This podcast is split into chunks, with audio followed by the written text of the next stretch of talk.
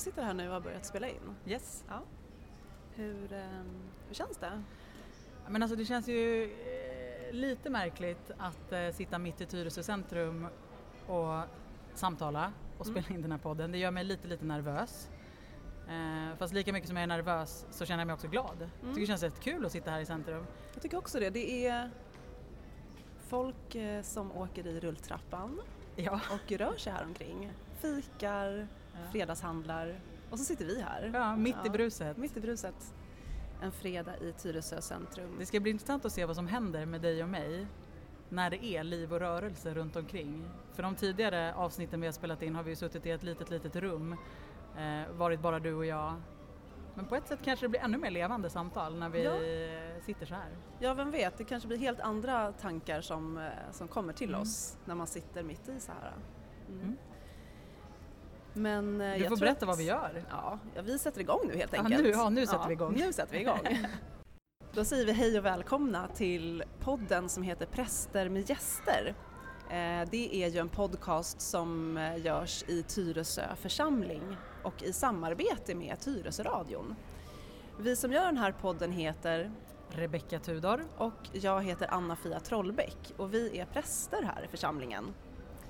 Präster med gäster är en podcast där vi tillsammans med en gäst utforskar och fördjupar oss i ämnen som teologi, politik, livet, tro, vardag, ja, religion. Det som kommer upp i mötet med vår gäst helt enkelt.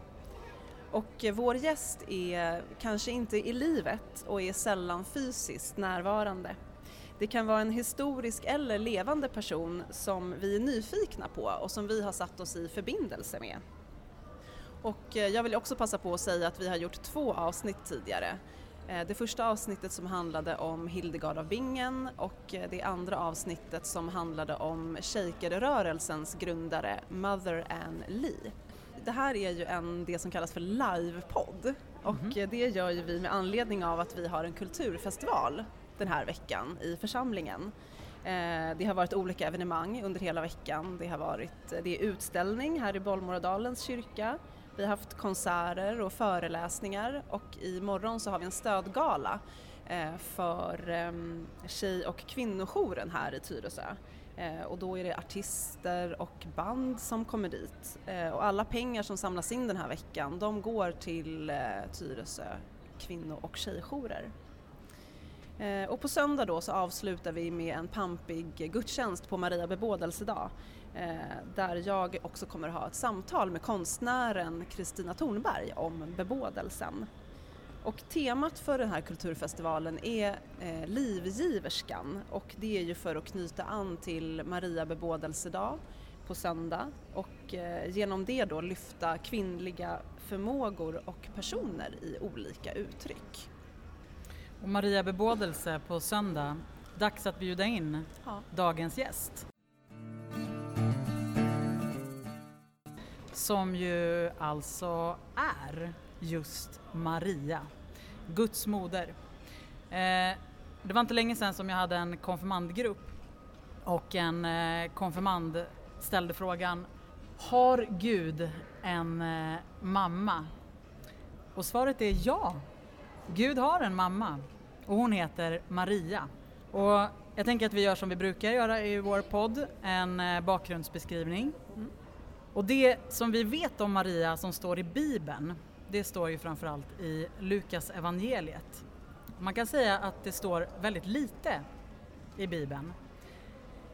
Men det som eh, säkert för många är bekant, det är ju att Maria var en ung flicka i staden Nasaret i Galileen och att hon trolovats med en man av Davids släkt som hette Josef.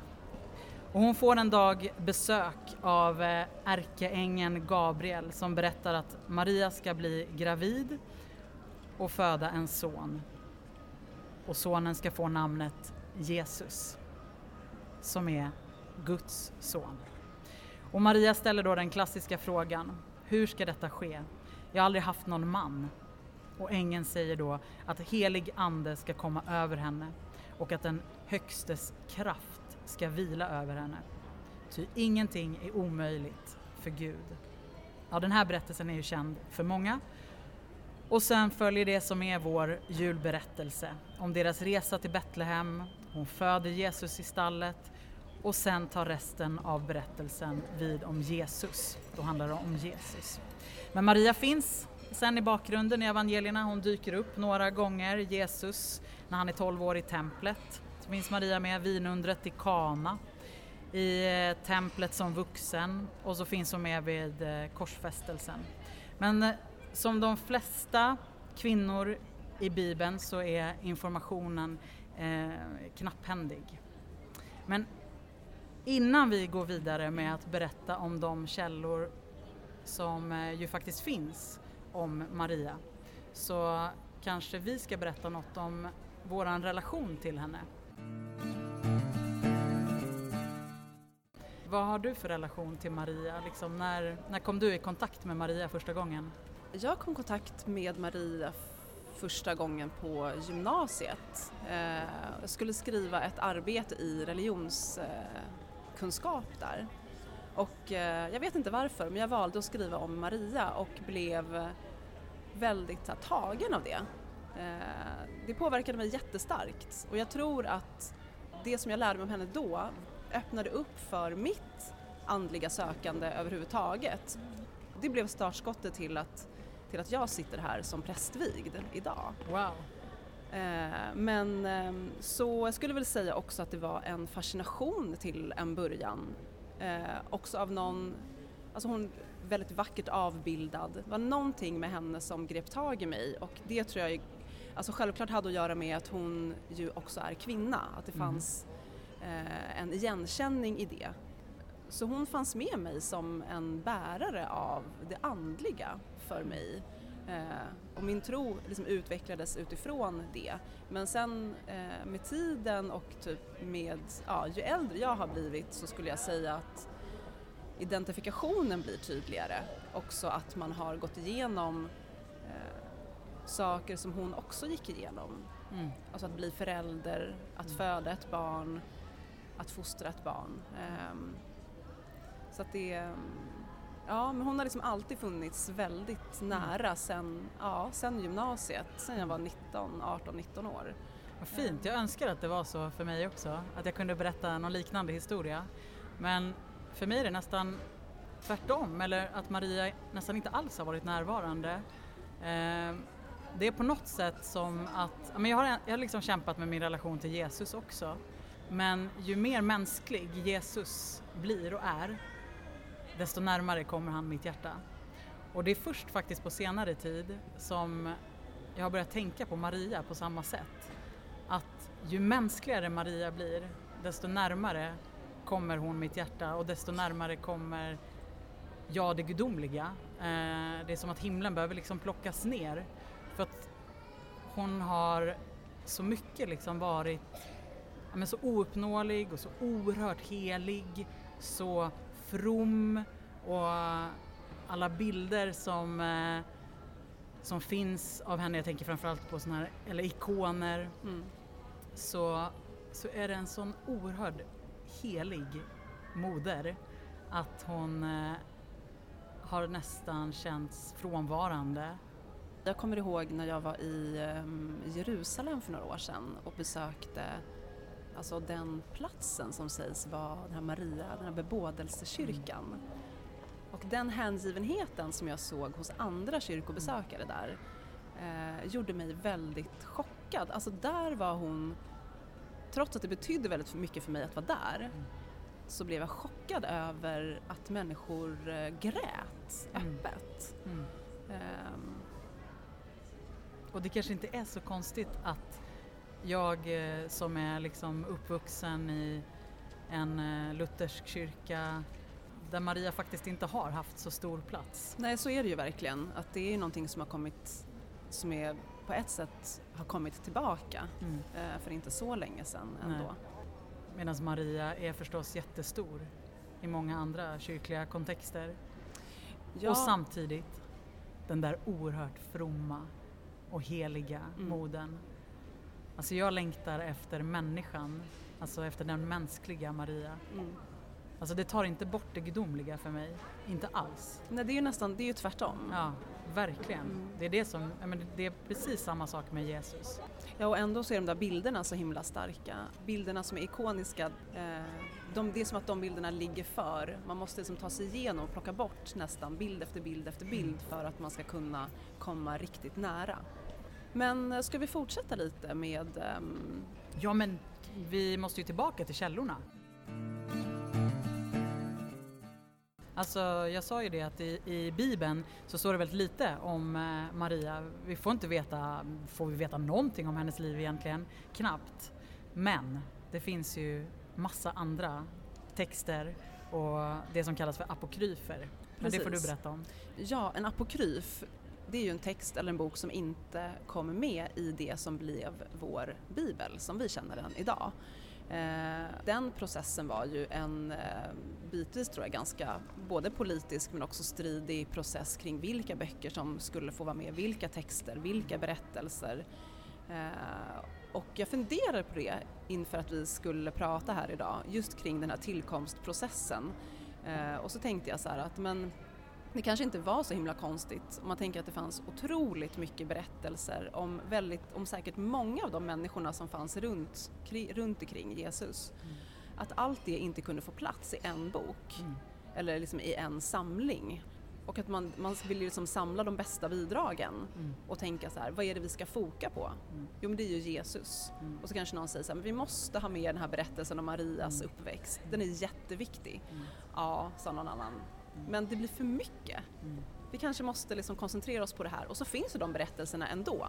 Men med tiden så har ju de bleknat Mm. och har inte liksom följt med i traditionen. Ja, Det är en viktig aspekt av det hela eftersom de förstås fanns. Ja, och i alla fall, Levande. man kanske ska säga också för oss i så västkyrkan och Ja. ett steg ytterligare är ju också den lutherska kyrkan där andra saker också har försvunnit. Men eh, de här apokryfa texterna då, det finns olika. Eh, till exempel Thomas evangeliet är en apokryf. Eh, Maria Magdalenas evangelium är också en apokryf. Och så har vi då det som heter Jakobs protoevangelium och där står det om Marias födelse och uppväxt. I de här apokryfa texterna i Jakobs protoevangelium så står det att Marias föräldrar, de hette Anna och eh, Joakim och de var ett äldre par och de var också barnlösa.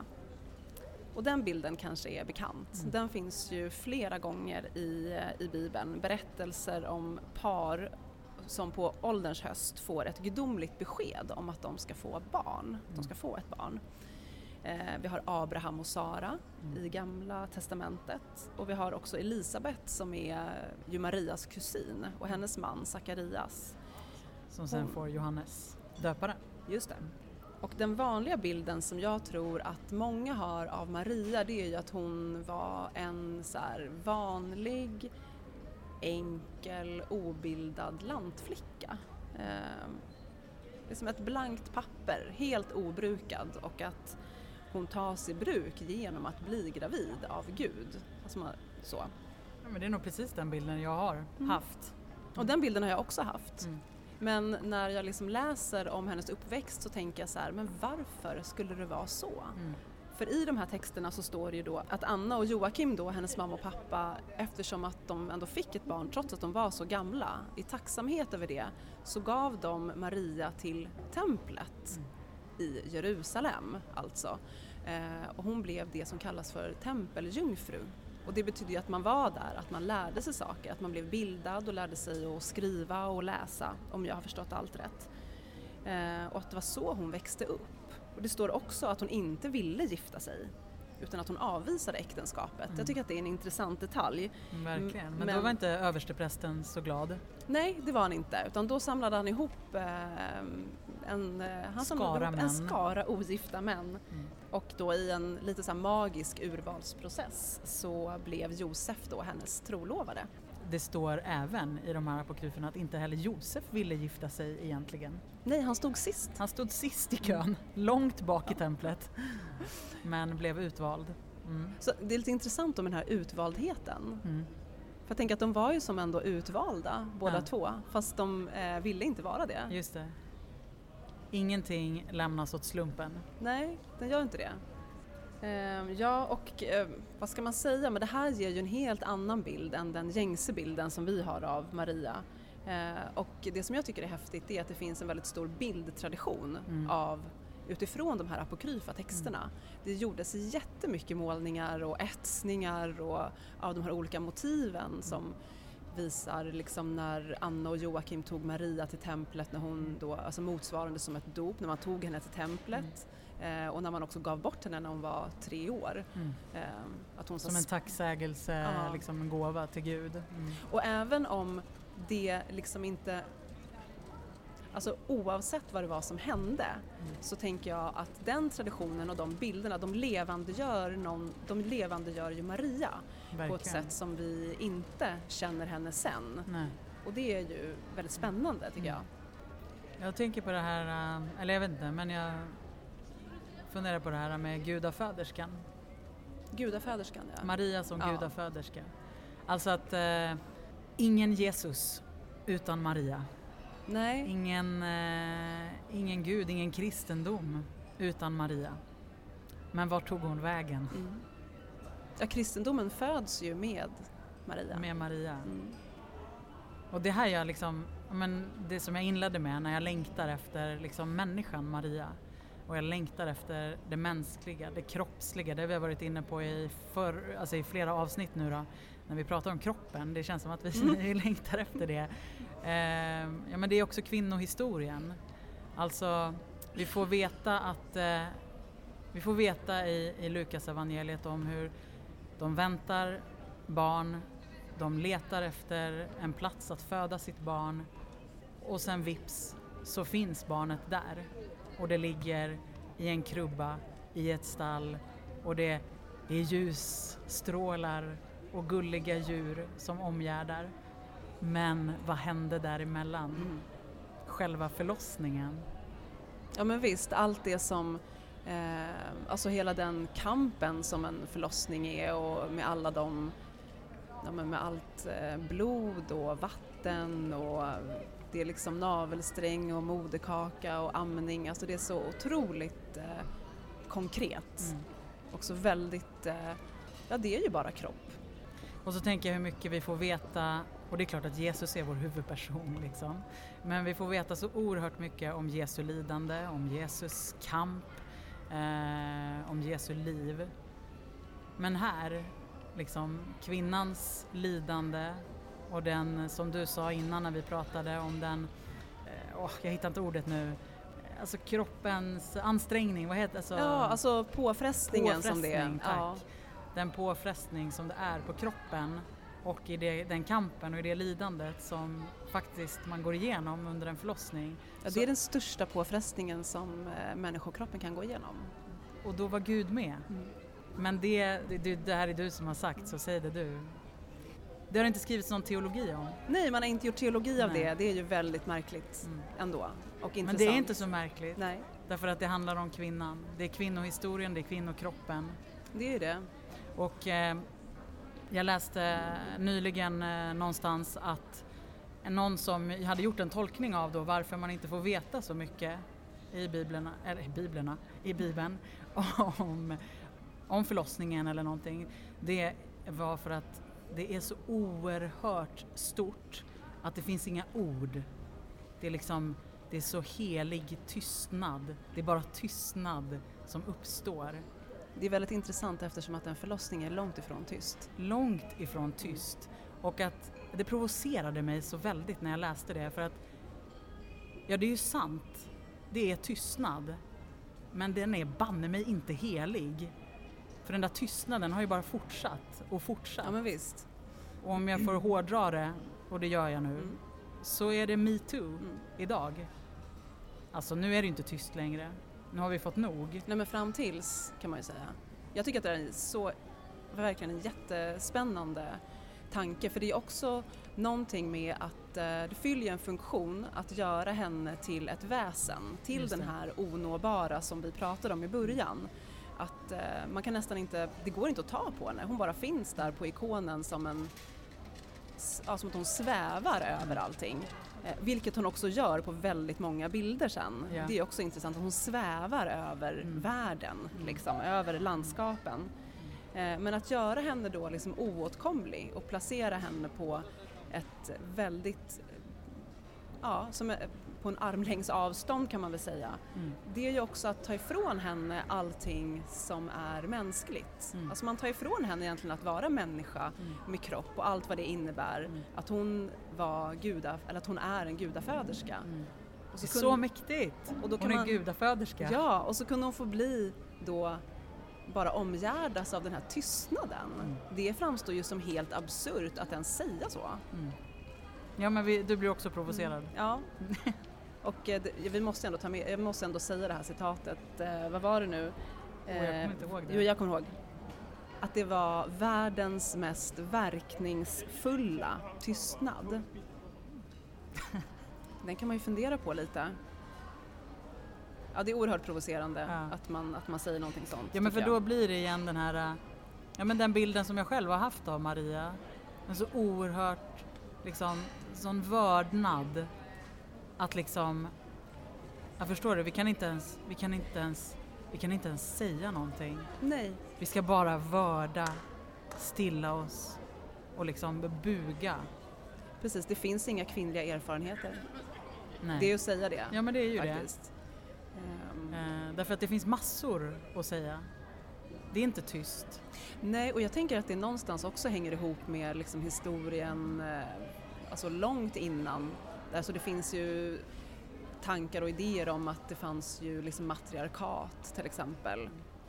Eh, och att det fanns en väldigt, det fanns en väldigt utbredd gudinnekultur eh, som sen fick träda tillbaka för en manlig och väldigt sträng gud Mm. eh, som då blev den, alltså den hebreiska guden eh, och som vi har i Gamla Testamentet till exempel. Och det är ju, alltså den historien löper ju vidare genom det här också tänker Mm. jag. Att det, Mm. så vad, undrar vad, eh, jag tycker bara är fantastiskt att tänka på då metoo som en eh, rörelse som eh, bryter det här Mm. någonstans i historien. Mm. Det är stort. Liksom. Ja men verkligen. Och att, inte, och att berätta Marias berättelse. Mm. Eh, Du visade mig en kvinna som hade gjort eh, vävt, eh, vad kallas det? En uh, gobeläng. Gobeläng. Ja. Vävt i alla fall. Eller en bildväv. Ja, en bildväv och gjort eh, eh, fantastiska vävar och bilder av Maria. Och hon eh, skrev att Maria är alla kvinnor och alla barn är heliga. Om inte det är sant är det mesta kring Maria helt ointressant. Det blir till en tveksam historieberättelse bland andra, möjligen helt utan verklighetsbakgrund dessutom. Men om Maria är alla kvinnor och alla barn är heliga, då behöver inte historien vara sann. Den blir sann av att vi känner igen oss. Vi är där och därmed uppstår sanningen. Det är så himla spännande sagt tycker jag, eller att hon har skrivit det.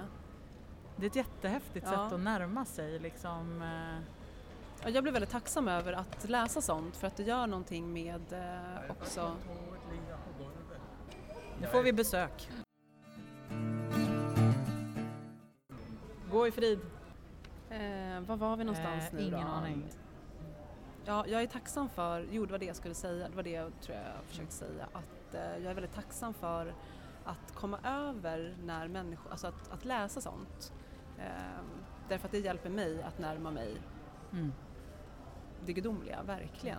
Mm. Att det, ja, men det är klart att det är så här. Mm. För att det finns också så mycket föreställningar om Mm. eh, som och blir onåbara. Mm. Att det blir just det. Mm. Eh, men det här är ju ett sånt väldigt mänskligt sätt. Och det, det är så enkelt. Mm. Ehm, vad var det hon sa? Alla kvinnor, alla kvinnor, Alla Maria- Maria är alla kvinnor. och alla, Alla barn, barn är är heliga. heliga. Ehm, Väldigt fint. Och känns som en sanning.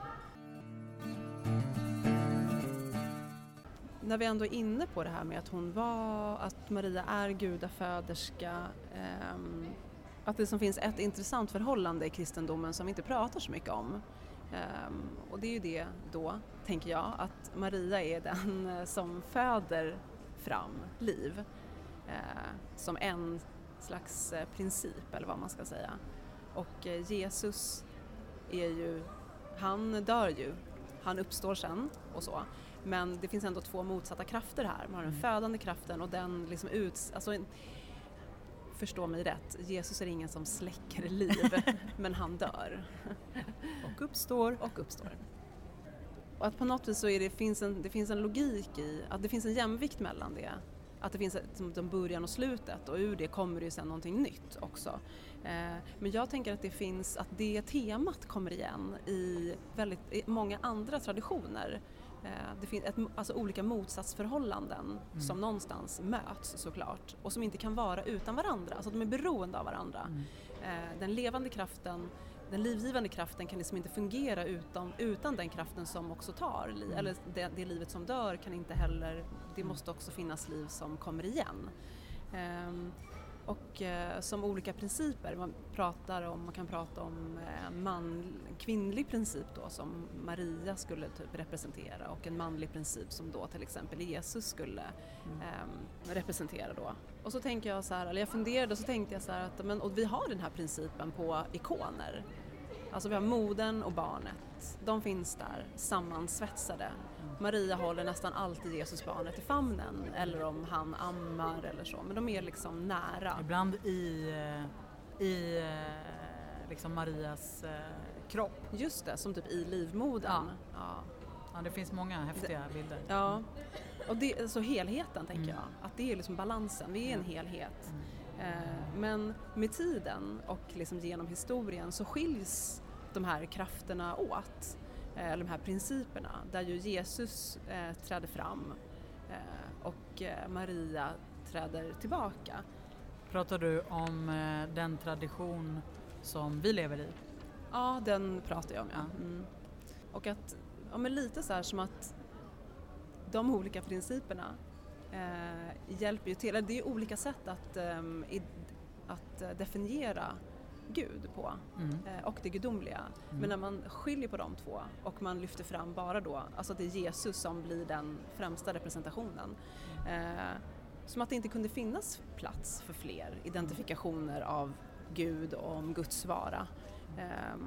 Lite som att det har funnits en, att det finns en dualitet mellan Jesus och Maria, alltså som att det finns ett förhållande mellan dem. Men som man med tiden har liksom kapat det här låter ju väldigt konspiratoriskt. Jag tänker att någon skulle kalla mig... Men du är lite mig... konspiratoriskt ja. lagd, Anna-Fia. Men lite också som att det låter jätte, jätteflummigt. Jag kanske inte har på Men Anna-Fia, du är också flummig. Mm. du är både konspiratorisk och flummig. Ja. Det är därför jag älskar dig. Mm. Precis, men det är lite också, ibland tänker jag att man måste vara på sin vakt ja, för att det är segraren som skriver historien och historien är inte en, liksom, den är inte en orörlig massa Nej. utan den är plastisk fortfarande. Så därför är det inte så dumt mm. att vara lite konspiratorisk Nej. och lite lite flummig? Mm. Nej men jag tror det, mm. förstås, att det är viktigt. Man måste liksom vidga sig. Absolut. Um. Ja men vems historia är det som skrivs? Ja, mm. det är ju en väldigt bra fråga och den är ju alltid relevant att ställa sig. Men vad hände då tänker du? Alltså vad tänker du att vi, när man eh, i och med reformationen och tiden efter faktiskt ju lite klipper bort Maria ännu mer också i kyrkan, i kyrkorummet. Mm. Eh, vad tänker du att det gör med oss? Jag tänker, ja det här är en väldigt vild idé som jag fick bara för några dagar sedan. Jag tänkte på när jag liksom förberedde mig för att vi skulle sitta här idag. Eh, så att den är ju inte testad riktigt. Jag har ju testat den lite på dig. Ja, jag vet inte vad du ska säga. Nej. Jag blir nervös. Jaha, nej men det här har jag ju sagt till dig redan. Ja, säg då. eh, nej men det är ju det här, men jag tror att man måste börja med att säga att Maria, för nu pratar vi om Sverige, att Mariakulten i Sverige var ju väldigt stor eh, fram till reformationen. Eh, och att människor hade en väldigt nära relation till henne, mm. alltså en väldigt vardaglig och en väldigt nära relation. Hon, Maria sågs ju eh, också som mellanhand, alltså att hon fanns mellan att var, människorna fanns på jorden och sen fanns Maria. Som en kanal. Som en kanal mm. till Gud och till Jesus. Mm. Som väldigt, som väldigt mer, mycket mer stränga. Um, och som man behövde blidka och då fanns Maria där och blidkade och tog på sig eh, våra eh, bekymmer och synder. Men i och med reformationen då så försvann ju helgonkulten. Eh, Luther i och för sig tyckte väldigt mycket om Maria men att det skulle inte gå till överdrift med att hon skulle tillbes mer än, än eh, Jesus. Jesus. Precis. Eh, så helgonkulten försvann. Och det kan man ju också undra om man vill vara lite konspiratoriskt lagd. Hej, du är det. Mm, jag är det. Eh, nej men också att det är intressant att tänka på alla de här helgonkulterna. Det kanske var lite så här High Chaparral, så, på medeltiden. Det, vet, det verkar som att det var det. Eh, och människor, ja, man, skulle, man kunde köpa sig fri från helvetet och sådär. Det, det, var ju någon, det var ju väldigt mycket som var konstigt och eh, människor mådde ju inte bra av det såklart. Eh, men alla de här folkliga uttrycken som jag tänker att helgonkulten handlade mycket om eftersom att människor inte förstod vad som sades i kyrkan eh, så skapade de här helgonkulterna, tänker jag, gjorde att människor skapade sig ett eget språk. Just det. Eh, men och, så alla de här folkliga traditionerna kunde ju också bli potentiellt lite farliga. Mm. För vad höll folk på med? Mm. Det var ju helt okontrollerat. Ehm, så jag tänker att det var också någon, någonting i det som, som också Luther och makten tyckte var bra med att man också reformerade kyrkan. Ehm, att det skedde en stor förändring där insynen blev mycket, ja det blev mer insyn helt enkelt. Ehm, men nu håller jag på och eh, prata bort mig helt, jag ska ju komma till Jag vet vad du ska Mm. komma till. Och om man då tänker så här att, att det fanns en eh, mamma som man kunde vända sig till trosmässigt och en pappa som var Gud. Och sen så kommer någon och säger så här att eh, den här personen får inte du tro på längre. Du får inte använda dig av det här språket, du får inte be på det här sättet. Eh, vi tar bort det. Mm. Och vi målar över det. Mm. Om man har varit i en väldigt gammal kyrka så vet man ju att den är ju väldigt utsmyckad med målningar. Eh, målningen, det är både bilder och det är blommor och växter och den är ut, rikt utsmyckad. Eh, men det målade man ju över Precis, det- man har tagit fram det igen ju, Ja. i flera kyrkor. i flera kyrkor och liksom lagt på färg och liksom Mm. för att förstärka det. Liksom. Men, men det tycker jag är jättespännande. Bara Mm. det att man det som gjorde att människorna ändå kunde stå i kyrkan i flera timmar. För att man kunde titta på de här bilderna Mm. och man kunde så här, drömma sig bort lite. Man förstod inte vad prästen sa. Det målade man över Mm. och sa det här får du inte tro på längre. Jag tänker att det måste gjort någonting med oss, alltså med människor, Mm. att man gjorde det. Ja men absolut. Eh, ak- nästan som ett trauma. Ja men verkligen. Ja, men du, Ett du, ja, trauma. du kallade det för ett andligt trauma. Jag tycker det är jätteintressant. Och, och frågan är, håller vi på att bearbeta det här andliga traumat fortfarande? Ja, det var ju det jag tänkte Mm. vidare på. För det är där vi är Ja. liksom. Vi är människor och vi, det är så många man pratar om så här, att äh, människor längtar så mycket. Mm. Människor längtar efter någonting och, men människor tror inte. Och det handlar inte om att man måste gå i kyrkan, det är Mm. verkligen inte det. Eh, Men, eh, men det finns ett stort intresse för nyandlighet, Mm. eh, människor yogar, alltså det är ju en folkrörelse. Mm. Eh, Och så pratar man om så här, men människor längtar efter någonting och vi söker efter någonting. Mm. Men det är som att vi inte har ett språk Mm. Längre. Ja, just Alltså jag undrar det har det. funnits. Jag undrar om kanske. det har funnits Mm. och att det försvann i, i och med att refor- reformationen också blev men alltså den, den, den blev ju väldigt eh, sträng. Mm. Ja men visst, och om man tänker på vilken roll som eh, mamman ofta har haft eh, och har i familjer. Mm. Eh, den som håller ihop, den som ja, håller samman familjen. Och här då så klipper man bort mamman. Man tar bort Vad händer då? Det är klart att det skapar något typ av andligt trauma. Ja. Jag tycker det är en jättespännande Ja. tanke. Och också som att man, man tänker att de här, eh, just med kyrkorummen, jag tycker det är en sån intressant ehm, alltså, sy- på något vis, symbol eller att titta igenom kyrkorummet på det, att använda kyrkorummet som ett raster då. Med alla blommor som man målade över Ja. och alla bilder. Det var också som att man avklädde mysteriet. Mm. Man sa bara, det är bara vitt. Det är bara ett Mm. kors, det räcker. Det är därför vi gillar vitt och fräscht Mm. idag. Just det, exakt. Men eh, vi kanske måste börja liksom eh, röra oss mot eh, avslutningen av den här podden idag, eller? Men Men för att säga någonting så slutligt om, eh, eller någonting mot slutet om Maria så tror jag eh, också att vi eh, behöver henne. Mm. Alltså här i världens mest sekulariserade land mm. så tror jag att vi behöver det som hon representerar. Mm. Ja men visst för att vi just är världens mest sekulariserade land men med så många andligt sökande. Mm. Verkligen. Så så himla sekulariserade är vi inte. Nej vi är inte det. Nej. Det är väldigt spännande också tycker jag. Men vi pratade om att vi skulle avsluta med att säga någonting om bebådelsen. Ja precis, alltså, det som jag tänker kring bebådelsen och det som jag vill säga det är egentligen kanske inte kring, kring själva bebådelsen utan Marias svar på den.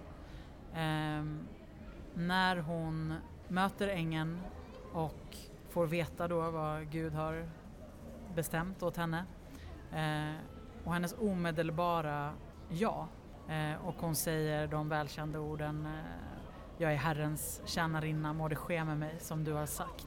Och jag tänker att det finns ett sånt oerhört mod och en sån tillit till att Gud bär och att Gud har en kallelse och exakt hur och vad och varför. Det finns i alla fall inte där och då några liksom frågetecken utan det är ett modigt och tillitsfullt ja. Och det är mina tankar kring bebådelsen, kring hur jag själv tänker att jag så ofta vill säga nej mm. till saker som jag tycker känns läskigt. Eh, och där jag inte tror på min egen kapacitet och där jag saknar mod helt enkelt. Och då kan jag liksom ha Maria som en förebild och vägledare. Att så här, våga Lita mm. på att det bär och lita på att Gud har en uppgift också till mig och till dig. Vad tänker du kring bebådelsen? Vad jag tänker om bebådelsen? Jag tänker att eh, bebådelsen är någonting, alltså man kan ju fråga då om det är intressant, eh, om det är en inre eller yttre, alltså vad är det som händer? Eh, men att sanning, alltså vad är sant? Och att exakt vad som hände är inte heller så intressant i sig. Eh, men att det intressanta är att det sker en förändring. Att bebådelsen handlar om en förändring och en förvandling av någonting som läggs i oss och som kan eh, som börjar växa och bli någonting. Eh, och det kan ju ske på väldigt många olika sätt. Mm. Ett frö liksom. Mm. Fint. Eh, och att det kan ske genom hela våra liv. Ja men verkligen. Eh, att vi kan bli bebådade Ja, det är fantastiskt. Ja. Tänk att få bli bebådad. Mm. Ett möte med Gud liksom. Ja, men tack ja, för tack. det. Nu känns det som att stämningen börjar bli väldigt så här fredags ehm, ja, yvig här i Tyresö. Men det har varit roligt att vara här i Tyresö centrum tycker jag. Jätteroligt. Det har liksom ja. varit en, eh, jag trodde att det skulle kännas väldigt svårt. Det trodde jag också. Men jag tycker att det här, var, det här kändes liksom mer naturligt än vad jag hade kunnat föreställa mig. Ja, jag håller med. Mm. Eh, så, vi kanske, man kanske ska säga, vi kanske ska säga på återseende faktiskt. Ja men kanske. Ja. Vi alltså kanske på, kommer tillbaka. Vi kanske kommer tillbaka, alltså jag menar kommer tillbaka gör vi ju, ja, präster med gäster i podden. Men jag menar vi kanske kommer tillbaka hit till Tyresö centrum, mm, tjoho. Precis, tjoho. Alltså vad, vad sägs om att avsluta med må det ske med mig som du har sagt? Det gör vi. Amen. Amen.